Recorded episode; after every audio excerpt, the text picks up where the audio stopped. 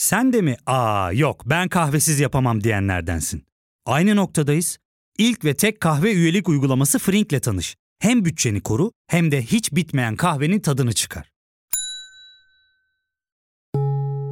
Yakınlarından terapinin onlara ne kadar iyi geldiğini dinlesen de kendin için bir şeylere başlamak zor geliyor olabilir. Ya da sevdiklerine yardım etmeye istekliyken kendi ihtiyaçlarını görebilmek. Hayvel, uzman psikologlarıyla kendi ihtiyaçlarını bulmanda sana destek olacak. Terapi yolculuğuna başlamak için detaylı bilgi bölümün açıklamalarında. CHP'nin en meşhur belediye başkanları kimdir diye sorulsa Ekrem İmamoğlu ve Mansur Yavaş'tan sonra üçüncülüğü kim alır? Tunç Soyer mi? Belki. Peki ya Bolu Belediye Başkanı Tanju Özcan desem, CHP'nin il belediye başkanlarının hiçbiri Tanju Özcan kadar ünlü değil. Onun nasıl bu kadar ünlü olduğunu sanırım biliyorsunuz. Bilmiyorsanız da biz bu bölümde detaylı olarak ele almaya çalışacağız. Kendisi şu sıralar yine gündemde ama bu sefer onu gündem eden partisi CHP oldu. Tanju Özcan kesin ihraç talebiyle partisinin disiplin kuruluna gönderildi. Sürpriz bir gelişme olmazsa CHP Tanju Özcan'ı kovacak. Bu bölümde Tanju Özcan'ı ve onun siyaset etme biçimini konuşacağız. Ben Ozan Gündoğdu, kulağınızı dört açın başlıyoruz.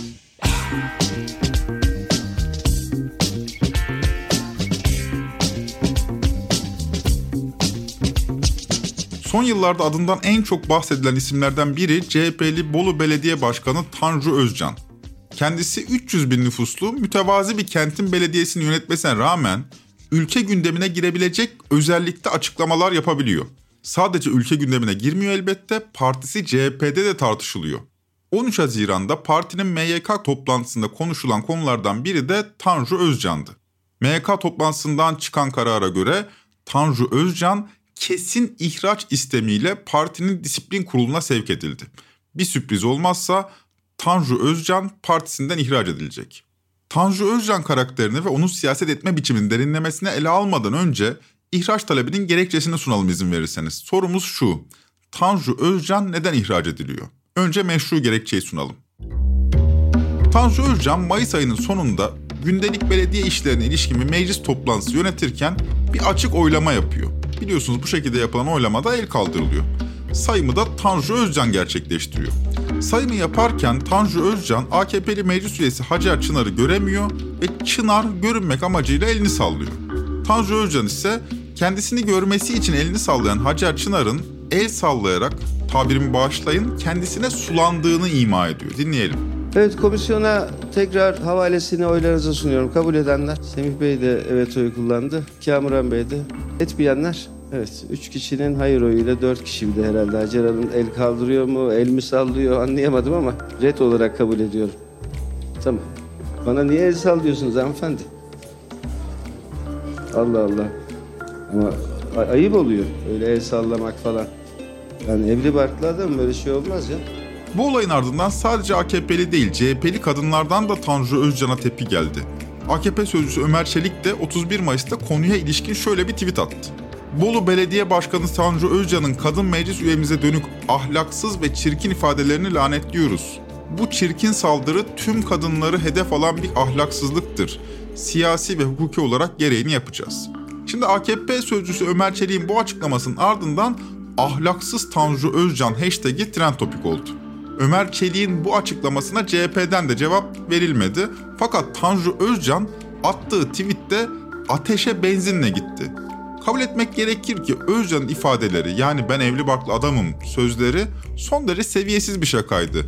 Kendini savunmak için attığı tweette ise Tanju Özcan biraz önce dinlediğiniz konuşmasını paylaştı ve ben iffetimi korudum dedi. Yani müstehzi bir sırıtmayla yaptığı ben evli barklı adamım açıklamasını ciddi ciddi iffetini korumak için yaptığını söyledi. Kendince AKP'li meclis üyesi Hacer Çınar'ın kendisine yürüdüğünü ima etti. Şöyle diyor tweetinde. Yalan söylerken yüzü bile kızarmayan Ömer Çelik beni ahlaksızlıkla suçlayıp tehdit ediyor. Hodri meydan. Bu arada bahse konu video bu. Görüyorsunuz ben orada sadece iffetimi korumaya çalışıyorum. Bir daha izleyin Ensaroğulları. Anlayacağınızı sanmıyorum ama. Bir kadın belediye meclis üyesinin oy kullanırken elini kaldırmasını ben evli barklı adamım diye sırıtarak karşılayan Tanju Özcan savunmasında ben iffetimi korudum diyor. Bu bölümü hazırlarken bu tweet'i okuyup şu soruyu gerçekten kendime sordum. Bu tweet şaka mı yoksa gerçek mi? Hani şakaysa hiç komik değil de gerçekse çok komik derler ya. Sanırım Tanju Özcan'ın tweet'i bu söze tam oturuyor. İki hafta sonra CHP'nin MYK toplantısında da bu konu üzerine Tanju Özcan'ın kesin ihraç talebiyle disiplin kuruluna sevk edilmesi kararı alındı. Aslında bu Tanju Özcan'ın ilk disipline sevki değil. Henüz 9 ay önce yine disipline sevk edilmişti Tanju Özcan. 2021'in Eylül ayında Armağan Çağlayan'ın YouTube'da yayınlanan Gör Beni adlı programına konuk olmuş ve başından geçen bir anekdotu anlatmıştı. Ben hiç yorum yapmayayım, o anekdotu önce dinleyelim. Mesela başınıza gelen en eğlenceli anılarınızdan bir tanesini anlatır mısınız? İlk aklıma şey geldi. Bir açılış yapıyoruz. Tesettürlü bir hanımefendi geldi yanıma. Bir konu var dedi. Konuşabilir miyiz dedi. Benim bebeğim olmuyordu dedi. Bana dedi yardımcı olabilir misiniz dedi.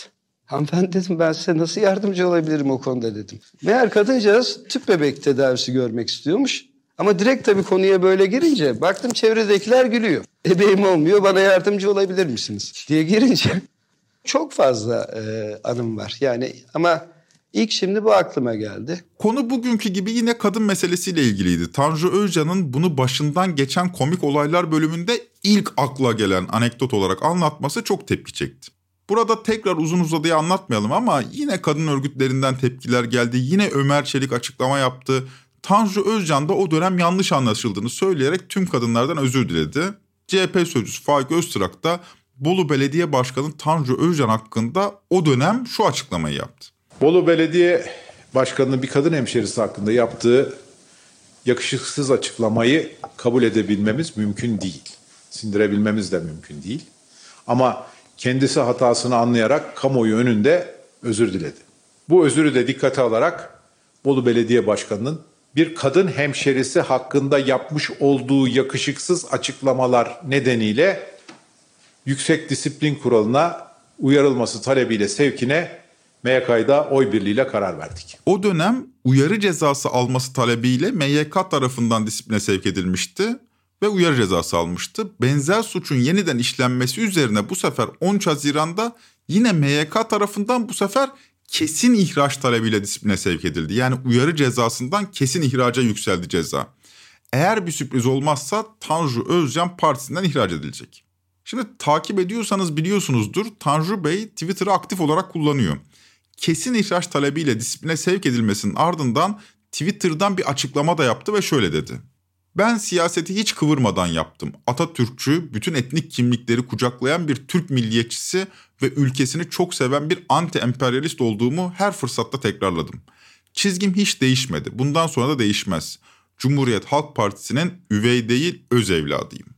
15 Haziran'da da belediye binası önünde basın mensuplarının karşısına çıktı ve partiden ihraç edilirsem sadece hukuki bağım kopar, gönül bağım kopmaz dedi. Başka partilere gideceğime ilişkin dedikodular çıkıyor. Hiçbir partiye geçmeyeceğim, bağımsız olarak yoluma devam edeceğim ifadelerini kullandı. Ama bu basın açıklamasını bitirirken birazdan dinleyeceğiniz sözleri bence dikkat çekiciydi. Arkadaşlar benim böyle ihraç sistemiyle disiplin kuruluna e, gitmeme sebep olan konu bu falan değil. Bunu herkes biliyor. Buna en çok kim seviniyor? O yönüyle bakmak lazım. Beni duygulandıran şeyler oluyor. İşte partililer e, arayıp ağlıyorlar. Üzüntülerini dile getiriyorlar. Bizimle birlikte yol yürümüş, bu mücadeleyi karda kışta vermiş olan insanlar üzüntülerini ifade ediyor. E, kim mutlu bundan? E, işte AK Parti sözcüsü Ömer Çelik gayet mutlu. Kim mutlu bundan? HDP'liler mutlu. Kandil'dekiler mutlu. İmralı'daki cani emin olun mutlu. E, bunları mutlu edeceğini düşünmüyorum ben partimin. Öz evladına sahip çıkacağını düşünüyorum. Teşekkür ediyorum arkadaşlar. Tanju Özcan konunun aslında bu olmadığını yani kadın meselesi olmadığını bunu herkesin bildiğini söylüyor. İma yoluyla söylüyor ama iması açık. Sığınmacı karşıtı çıkışları veya milliyetçi çizgisi nedeniyle cezalandırıldığını düşünüyor Tanju Özcan. Çünkü CHP MYK'nın ihraç istemiyle disipline gönderme kararının gazetelere düşmesinin ardından bu karara siyaseten tepki gösterenler de oldu. Mesela sığınmacılara ilişkin hazırladığı Sessiz İstila kısa filmiyle gündeme gelen gazeteci Hande Karacasu, Tanju Özcan bu memleketin kanayan bir yarası için rüzgara karşı tek başına mücadele ediyor CHP içinde. Ödülü de bu oldu yorumunu yapmış. Zafer Partisi Başkanı Ümit Özdağ ise HDP milletvekili Ömer Faruk Gergerlioğlu'nun kendisini eleştiren bir tweetini alıntılayarak Zafer Partisi'nin senin tehditlerinle belediye başkanını görevden alan partiyle karıştırma demiş. CHP mahallesinde karara büyük oranda destek veriliyor. Fakat parti üyeleri ve yöneticileri için değil ama seçmen gruplarında Tanju Özcan'a sahip çıkanların olduğunu da belirtmek gerekir. Şimdi buraya kadar anlattıklarımız meselenin meşru gidişatının özetiydi. Bir parti kendi dünya görüşüne uygun olmayan bir açıklaması nedeniyle bir üyesine uyarı cezası vermiş. Benzer nitelikte bir açıklama aradan bir yıl geçmeden tekrarlanınca bu sefer ihraç edilmesi istenmişti. Şimdi zamandan, mekandan ve kişilerden bağımsız olarak böyle bir karara hiçbir şey denemez. CHP'nin hukuken Tanju Özcan'ı ihraç etme hakkı var. Sonuçta aynı suç tekerrür etmiş, disiplin cezası ardından ihraç talebi söz konusu olmuş. Üstelik soruşturma konusu edilmeyen onlarca gafı da var Tanju Bey'in. Bolu Belediye Meclisi'nde Şahin Kağlı, Başak Sinemalı, Gazozlu imaları anladınız. Böyle diyaloglar bile kayda geçiyor. Mesela AKP'li meclis üyesi bu durumu belediyenin bütçe görüşmelerinde eleştirince şöyle bir diyalog da ortaya çıkıyor. Gerçekten ilginç. 2020-2024 Allah'ım yarabbim Şahin Kaya konu nereden geldi ya? 2020 Bütçeyle Şahin Kağan'ın ne alakası var? İki- Ha, pardon performansı konuşuyoruz doğru. Şahin Kaya sen oradan şey yaptın. Sizin performansınızın tabii nerelerde aktif olduğunun kanıtı bu. 2020 Bu- bu ne demek? 2024 Bunu bir stratejik açıklar planlamada başlayan yanlışlar geçen de söylediğimiz Bunu gibi bir açıklar mısın? her mecliste yok Başak Sineması, yok Gazoz, yok Şahin K, yok bilmem ne bunları söyleyen sizsiniz. Biz hiç dile getirdik mi? Bizim hiç ağzımızdan duydunuz mu? Ya konu Şahin Kağan'ın performansı Yani mı belediyenin neyse. Hayır, performansı mı? bunları Sen yap- ona bak bunla- ya. Bunları, yapama, Allah'ım yarabbim. bunları yapamadığınız diye ben dile getirdim. Sayın Başkan sinirle, sinirlenmeye gerek yok. Şimdi bir- birçok insan Şahin K diye bakıyor. Kim diye? Uğur Bey'in arkadaşı. Yani bu gayri ciddi üslup birkaç kez tekrar ediyor ve partinin kadın üyelerinin de tepkisini çekiyor. Kadın hareketinin bu denli muhalif ve görünür olduğu böyle bir atmosferde Tanju Özcan ciddi anlamda tepki çekiyor. CHP hukuken haklıdır ya da hakkıdır diyelim ihraç etmek. De öznemiz Tanju Özcan olunca peki siyasi olarak kararın anlamı nedir sorusu da düşüyor akıllara. O halde Tanju Özcan'ın Türkiye siyasi yelpazesinde nereye denk düştüğünü daha derinlemesine ele alalım. Sanırım bunun için kavram setimizi biraz açmamız gerekiyor. Tanju Özcan deyince akla gelen ilk kavram nedir diye sorulsa herhalde akla gelen ilk sözcük popülizm olurdu. Gerçekten popülizm ete kemiğe büründü, Tanju Özcan olarak göründü desek bize sadece sanırım hayır Tayyip Erdoğan olarak göründü diyenler karşı çıkabilir sanırım.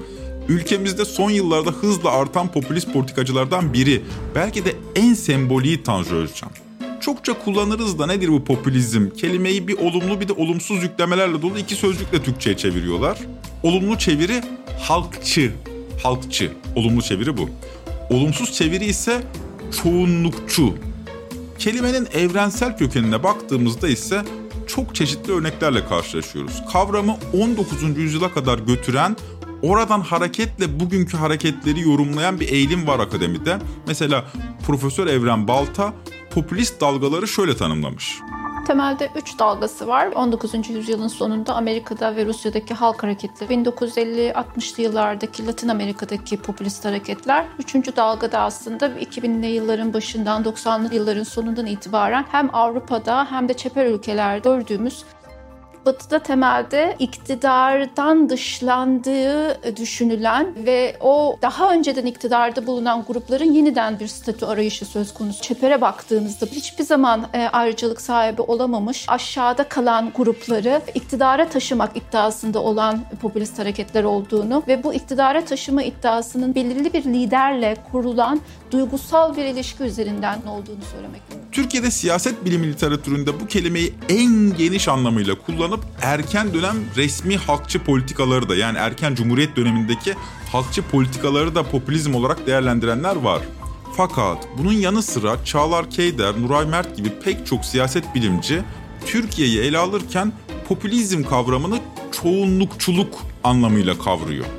Gazeteci yazar Ta Akyol da bu kavramı halk dal kavukluğu ya da çoğunluk dal kabukluğu olarak çeviriyor. Ben de yarattığı hissi kelimenin anlamına daha yakın bulduğum için böyle demeyi tercih ediyorum. Yani ne demek? Halk dal kabukluğu veya çoğunluk dal kabukluğu popülizmin Türkçe çevirisine daha uygun bana kalırsa. Böyle tanımlamak daha doğru çünkü gerçek anlamda halkçı hareketleri yani halk dostu hareketleri sağ popülist liderlerden ayırt etmek gerekiyor. Çünkü popülizm derken çoğunluğun gündelik fikirlerine yaslanan ve fakat asıl derdi çoğunluğun da menfaatleri olmayan, aslında küçük bir azınlığın çıkarına hizmet eden bir akımdan bahsediyoruz. Popülistin asıl gayesi koltuk, güç, iktidar vesaire. Kapitalist üretim ilişkileriyle neredeyse hiçbir zaman sorunu yok. Yani samimi olarak halkçı değil. Güç devşirmek için halkın onayına ihtiyacı var o kadar. Dolayısıyla olumsuz bir anlamda kullanıyoruz popülizm sözcüğünü. Zaten popülist siyasetçiler de siyaseti bir kariyer yolu olarak görüyorlar. Bu nedenle çoğunluk dal kabukluğu bu şekilde tanımlanırsa popülizmin Türkçe karşılığına bence daha yakın. Popülist retoriğe göre halk kutsal sayılıyor. Ona övgüler düzülüyor. Ama hangi halk? Elbette çoğunluk olduğu varsayılan bir halk kesimi. Yalın Alpay'a kulak verelim. Popülist liderlerin ortak tanımlaması şudur. Halk kutsaldır ama hangi halk? Gerçek halk. Şunu ifade eder. Sizin ve benim dışımdaki bütün kimlikler bizim bir olmamızı engellemeye çalışan haydutlar, teröristler, içten pazarlıklılar, ülkeyi dışa karşı satmaya çalışanlar, sizin emeklerinizi eline geçirip boğazda viski içenler. İşte siz bu hainler gibi değilsiniz. Siz gerçek halksınız ve ben de sizin temsilciniz olarak sizin bütün iradenizi burada eyleme geçirmezsem bana da lider demesinler. Ve böylece bu dışlanmış modernitenin ezmiş olduğu, horlamış olduğu kitleler kendi kimliğini başka bir yerde ilk defa görmektedir. Bundan sonra ekonomi kötü gidiyormuş, kültür politikaları berbatmış. Bunlar umursanmaz. Neoliberalizmin derinleştirdiği sınıfsal eşitsizlikleri manipüle etmek üzerine kuruluyor popülist siyaset. Popülist bir politikacı çoğunluğun yargılarını aynen benimsiyor. Buradan aldığı güçle de demokratik kurumları eleştiriyor. Demokratik kurumların bir grup elitin, seçkinin tahakkümünde olduğunu anlatıyor. Yani tek bir demokrasi tanımı yok popülizme göre. Birkaç demokrasi tanımı yapılabilir. Türk tipi, Çin tipi, İngiliz tipi vesaire gibi. O yüzden buradan hareketle evrensel demokratik kurumlar eleştirilebiliyor. Ya fark ettin mi? Biz en çok kahveye para harcıyoruz. Yok abi, bundan sonra günde bir. Aa, sen Frink kullanmıyor musun? Nasıl yani? Yani kahvenden kısmına gerek yok. Frink'e üye olursan aylık sadece 1200 TL'ye istediğin çeşit kahveyi istediğin kadar içebilirsin. Günlük 40 TL'ye sınırsız kahve mi yani? Çok iyiymiş. Aynen. Hatta şu anda 200 TL'lik bir indirim kodu da var. E hadi hemen indirip üye ol da bu fırsatı kaçırma. Terapiye başlamak, içinden çıkamadığın döngüleri kırmak, bazı yanlış bulduğun kararlarını değiştirmek ve kendinle beraber daha huzurlu bir yaşam inşa etmek için atabileceğin en değerli adımlardan biri. Hayvel ile yoğun yaşam tempona uyum sağlayarak online terapi seanslarını takvimine göre ayarlayabilirsin. Bini aşkın uzmandan sana en uygun terapisti seçebilir, PodB10 koduyla indirimden yararlanabilirsin. Detaylı bilgi açıklamalardaki bağlantıda. Bu anlatımda çoğunluğun değer yargıları kullanılıyor. Özellikle Müslüman ülkelerde din burada son derece işlevsel bir araca dönüşebiliyor. Dini söylem retorikle buluşuyor ve kitlelerle lider arasında romantik, akıl dışı bir ilişki tesis ediliyor. Sakın kader deme. Kaderin üstünde bir kader vardır. Ne yapsalar boş. Göklerden gelen bir karar vardır. Popülist liderin kitlelerle kurduğu ilişki irrasyonel, romantik ya da akıl dışıdır. Lider nutkunu atarken gözyaşları sel olur. Çoğunluğun neden ezildiği gündelik gerçeklerden bağımsız olarak ele alınır. Kapitalist üretim ilişkilerinin doğurduğu sonuçlar popülist siyasetçiler tarafından ustaca çarpıtılır. Bunun için hakikati de eğip bükmek gerekir. Zaten post-truth kavramı da bu popülist siyasetin büyümesiyle beraber yaygınlaştı. İçeride ya da dışarıda tanımlanması pek de mümkün olmayan bazı yel değirmenleri bulunur. Tümüyle masalsı bir anlatım değil, gerçekle bağı var ama ham gerçek diyemiyoruz. Mesela nasıl örnek verebiliriz? Şöyle diyelim, derinlemesine bir emperyalizm tanımı yapılsa, emperyalizmin kapitalizmle ilişkisi tarif edilse belki kendisine de zarar verecek. O halde ne yapacağız? Emperyalizmi son derece sığ biçimde tanımlamak gerekiyor. Mesela üst akıl deniyor. Ne demek o belirsiz. Üst akıl. Üstlerdeki akıl. Dünyayı yöneten. Kökleri sadece düne değil, binlerce yıl geriye giden, yakan, yıkan, aç bırakan, savaştıran, devrimler, darbeler yapan, devletler içinde devletler kuran akıl. Çoğunluğun değer yargılarına yaslanarak yönetmekten bahsettik. Ne mahsuru var bu durumun diye sorabilirsiniz. Çoğunluğun değer yargılarına göre yönetilmek neden yanlış olsun ki? O halde tam burada bir hakikatle yüzleşmemiz gerekiyor. Bir yüzleşme yaşamamız gerekiyor. O da şu. Çoğunluğun değer yargıları içinde son derece insani olanları olduğunu kabul etmek gerekir. Fakat aynı değer yargıları içinde eşitsizliği besleyen, halkın çıkarına olmayan değer yargıları da var kabul edersiniz. Geçmişte bambaşka üretim ilişkileri hakimken, mesela toprağa bağımlı yaşarken, toplumun bünyesinde hortlayan kültürel saydığımız bazı fikirlerimiz. Ne gibi mesela? Mesela cinsiyetçilik ya da ırkçılık, eşitsizliğin kutsanması mesela. Çoğunluk dal kabukluğu bugünün hakikatine bilimsel yaklaşmak yerine geçmişin hakikatinden doğan kültürel hastalıkların da dal kabukluğunu yapıyor.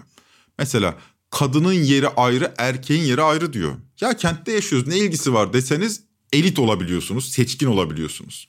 Yani kral saydığı çoğunluğun iyi ve kötü özelliklerinin de dal kabukluğunu yapıyor. Sadece iyi değil, kötü özellikleri de kaşıyor.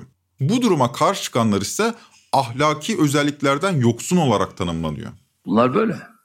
Bunlar çürük. Bunlar sürtük. Çoğunluğun karşısına ahlaksızlar, elitler, asıl ikinci sınıf olması gerekenler konuyor. Halkın müesses nizama karşı lider etrafında ya da parti etrafında harekete geçmeye çağırır. Bu anlamda popülizm toplumu iki tane e, farklı gruba ayırır. Halk ve onun karşısındaki elitler. Tehlikeli olan şu. Bu anlayış o kadar hakim hale geliyor ki orada çoğunluk dal kabukluğu olan anlayış hegemonyayı devralarak bir rejime dönüşüyor. Bu rejime de pek çok siyaset bilimci neofaşizm diyor. Tek bir neofaşizm yok elbette. Her neofaşist deneyim her ülkede farklı yaşanabiliyor. Çünkü o toplumun kültürel dokusuna uygun değer yargıları her ülkede farklı. Mesela kızını dövmeyen dizini döver. Karının sırtından sopayı, karnından sıpayı eksik etmeyeceksin gibi atasözleri olan bir kültürel tarihimiz varken çoğunluk dal kabuğu siyasetçi doğal olarak varoluşu gereği cinsiyetçi oluyor. Dolaylı yoldan kadın düşmanlığı, doğrudan LGBTİ düşmanlığı son derece yaygın ve kolay bir popülist dile dönüşüyor. Veya beyaz üstünlükçü bir tarihi olan ABD'de siyah azınlığa ya da İspaniklere dönük söylemler prim yaptırırken bizim Türkiye'de böyle bir dil çok tutmaz. Bizde başka başka örnekler görebiliyoruz. Popülist lider tüm bunları yaparken çoğunlukla, halkla aracısız ve doğrudan ilişki kuruyor. Ve bu ilişkiyi kurarken genellikle güçlü olduğunu iddia ettiği bir azınlıktan bahsediyor. Popülist lider seçkinlerin koruduğu bütün müesses nizamın bu seçkinlerin kontrolünde olduğu fikrine yaslanıyor. Ardından çoğunluğun değer yargılarını manipüle etmeye başlıyor. Bu seçkin azınlığa karşı bir Don Kişot dövüşü başlıyor. Çünkü ortada anlatıla geldiği gibi bir eşitsizlik durumu da yok aslında. Yani eşitsizlik var da bağlamı çok farklı. Mesela ABD'de siyahların gizli bir el tarafından haklarını aldığı yalanı uyduruluyor. Siyahlar pek çok hakkını alıyor çünkü ABD'nin küçülmesini isteyen bir takım güçler devrede. O halde ABD'yi yeniden muhteşem yapmanın zamanı gelmedi mi? Gibi nutuklarla başlayan bir hareket ABD'de hızlıca kongre binasını işgal edebiliyor. Bugün Amerikalı bir muhabirin de söylediği aslında çok basit gibi görünen ama çok derin bir cümleyle başlıyor. Evet, bu gördüğünüz yer Bağdat ya da Kabil değil. Amerika'nın başkenti Washington ve demokrasinin beşiği kongre binası. Evet dünya demokrasisinin bekçiliğine soyunan Amerika kongre binasının işgaliyle şokta. Trump gider ayak ülkeyi kaosa sürükledi. Seçilmiş başkan Biden'ın zaferinin ilan edileceği oturumu sabote etmek için destekçilerini ayaklandırdı. Kongre binasını işgal eden Trumpçılar dehşet saçtı. Kanlı gecede dört kişi öldü. Donald Trump popülizm deyince akla gelen ilk isimlerden olabilmeyi başardı. ABD'de öyle bir toplumsal bunalım ortaya çıkarttı ki bir yıl içinde hem George Floyd eylemlerine hem de kongre binasının basılmasına şahit oldu ABD. Geçmişte büyük ölçüde gelişmekte olan ülkelerde görülen popülist liderler 2008 küresel finans krizinin Batı dünyasının yoksulları arasında yarattığı hayal kırıklığı sonucu Batı'da da görülmeye başlandı. Trump onların ilki değildi. Mesela Macaristan'da Viktor Orban 2008 küresel finans krizinden hemen sonra iktidara geldi. Yani Trump'tan çok önce. Fakat dünyada bu akımın ilk örneği kimdir diye sorulsa ya da üçüncü popülist dalganın ilk örneği kimdir diye sorulsa Türkiye'den Recep Tayyip Erdoğan diyenler de olacaktır. Dünyadaki emsallerine göre siyaset ediş tarzı oldukça popülist, çoğunlukla doğrudan ilişki kuruyor ve krizlerden bu çoğunluğa yaslanarak kurtuluyor. Ekranları başında bizi izleyen milletime özellikle sesleniyorum. Biz size aşığız. Biz sizin dertliniz olan bir iktidarız.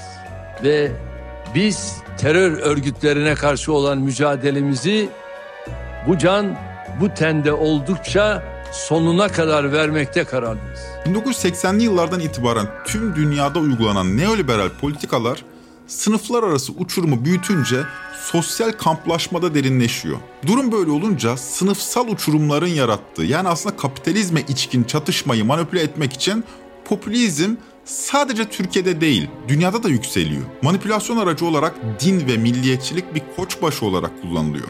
Bolu Belediye Başkanı Tanju Özcan da bu açıdan değerlendirildiğinde küçük ölçekli de olsa, mütevazi bir belediyenin başında da olsa popülist bir siyasetçi. Tanju Özcan sığınmacı karşıtı açıklamalarıyla gündeme geliyor ama o sadece siyasi söylemin bir ayağı. Açıklamaları popülizm bağlamında değerlendirildiğinde tümüyle bir bütünsellik arz ediyor. Kurumları da ciddiye almıyor.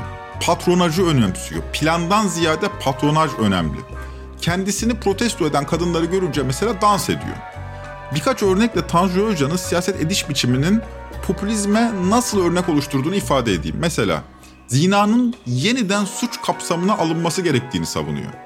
Zina suç olmaktan AK Parti döneminde çıkartıldı zaten. Zinanın suç olmaktan çıkartılmasından sonra da Türkiye'deki boşanma oranları hızlı bir şekilde arttı. O yüzden tekrar zina suçu Türk Ceza Kanunu'na konulmalıdır.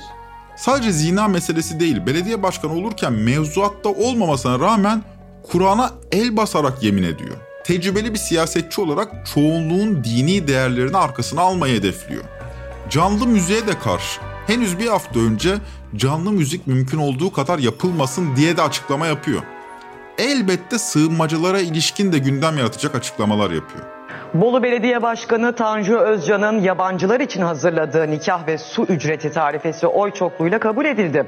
Özcan, sığınmacı kardeşlerimiz bundan rahatsız oldularsa Şam'da nikah da su da daha ucuz dedi. Tartışmalı karara Adalet Bakanı Abdülhamit Gül'den tepki geldi. İki yabancının Bolu'da evlenmeleri halinde nikah ücretini 100 bin lira olarak belirledik. Şunu belirtelim, Tanju Özcan'ın bu çıkışlarını herkes yutmuyor. Yani onun ne yapmak istediğini, nasıl bir siyaset etme biçimi olduğunu bir kesim insan kavruyor. Tıpkı Tayyip Erdoğan'da olduğu gibi. Gerçeği görenler, asıl amacın koltuk, güç veya iktidar olduğunu fark edenler popülist siyasetçilere şüpheyle yaklaşıyor. Ama popülist için bunun bir önemi olmuyor. Önemli olan kendisine muhalif olanlar değil, kendisini destekleyenler. Muhalifler zaten kirli odaklarla işbirliği halindeler, terör örgütleriyle işbirliği halindeler, fonlarla işbirliği halindeler. Yani üst akılla işbirliği halindeler veya yani bir kirli odağın parçası zaten muhalifler. Yani öyle anlatılıyor. Bu anlatıma Tanju Özcan da uyum sağlıyor ya da uyum sağlamak zorunda hissediyor. Mesela Osman Kavala'nın tutukluluğuna karşı çıkan AB elçilerini azarlıyor. Erdoğan'a destek veriyor. Öte yandan son derece iddialı Tanju Bey. Cumhurbaşkanı olmak istiyor. Hatta o kadar ki Kılıçdaroğlu'nun bu işi bilmediğini ima ediyor. Siyaset iddia işidir diye ders veriyor CHP liderine. Mesela 6 Haziran'da Kemal Kılıçdaroğlu'na seslenerek şöyle bir tweet atmış. Bir hafta önce kibir abidesi size yüreğin yetiyorsa aday ol demişti Sayın Genel Başkanım. Sizden ses çıkmadı. Siyaset iddia işidir. Yol verin ben bu resti göreyim. Hazır inan olsun. Sandıkta dürü vereyim defterini. Güvenin bana, yenerim. Yani Kemal Kılıçdaroğlu'na diyor ki sizden bir ses çıkmadı ama siyaset iddia işidir. Bu haliyle Bolu'nun belediye başkanı olarak Erdoğan'ın karşısına aday olabileceğini inanıyor ya da takipçilerini buna inandırarak reytingini arttırıyor. Tabi diğer taraftan da parti tabanında Kılıçdaroğlu'na şüpheyle yaklaşanların sempatisini kazanmaya çalışıyor. Bu tweetin de CHP genel merkezinde öfkeyle karşılandığını duyuyoruz. Bu haliyle Tayyip Erdoğan'ın siyaset etme biçimiyle Tanju Özcan'ın siyaset etme biçimi arasında çok ciddi benzerlikler göze çarpıyor. Söylem aynı değil. Bakın bu farklı. Hatta iki ayrı kutupta görünseler de siyaset etme yöntemi aynı. Yöntemde bir benzerlik var. Erdoğan'la muhalif popülist siyasetçiler arasında sadece sığınmacı meselesi bir nüans olarak göze çarpıyor. Erdoğan da muhalefette olsa muhtemelen bu sığınmacı sorununa Tanju Özcan'la benzer yaklaşırdı diye tahmin ediyorum. Bu benimki tahmin sadece. O halde bir soruyla bitirelim. Siyaset bilimcilerin de çok sorduğu bir soru bu. Erdoğan gibi popülist bir lideri yine onun gibi bir başka popülist bir lider mi devirecek? Yoksa Erdoğan'ın karşısına popülist bir liderle değil bir demokrasi paradigmasıyla mı çıkmak gerekir? Bana soracak olursanız sağ popülist eğilimlerin hepsi günün sonunda memlekette büyük fay hatları açarak ilerliyor. Bugüne ele alalım. Erdoğan'dan sonra toplumsal barışın tesis edilmesi bile yıllarımızı alacak. Yıllarımızı alacak. Üstelik muhalif görünen popülist liderlerin Erdoğan yenebilecekleri de şüpheli. Yenseler de hayırlı bir sonuç çıkmıyor yani onu demeye çalışıyorum. Erdoğan'ı deviren bir başka popülist aslında Erdoğan'ı pek de yenmiş sayılmıyor yani. Podbi Medya ile beraber hazırladığımız Trend Topik'in sonuna geldik. Bir sonraki bölüme kadar siyasetçiler tarafından manipüle edilmediğiniz günler dilerim. Hoşçakalın.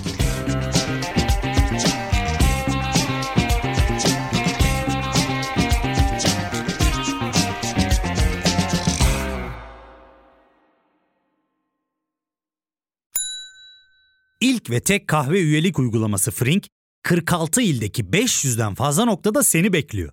Açıklamadaki kodu girerek sana özel 200 TL'lik indirimden faydalanmayı unutma. Hadi sen de Frink üyeliğini başlat, kahven hiç bitmesin. Hem bugününe hem yarınına katacaklarıyla terapi yolculuğuna ve daha iyi hissetmeye bugün Hayvel ile başla. Açıklamadaki linkten Hayvel'i indir, ücretsiz tanışma görüşmelerinin ardından bütçene uygun seans paketini seç ve terapi yolculuğuna başla.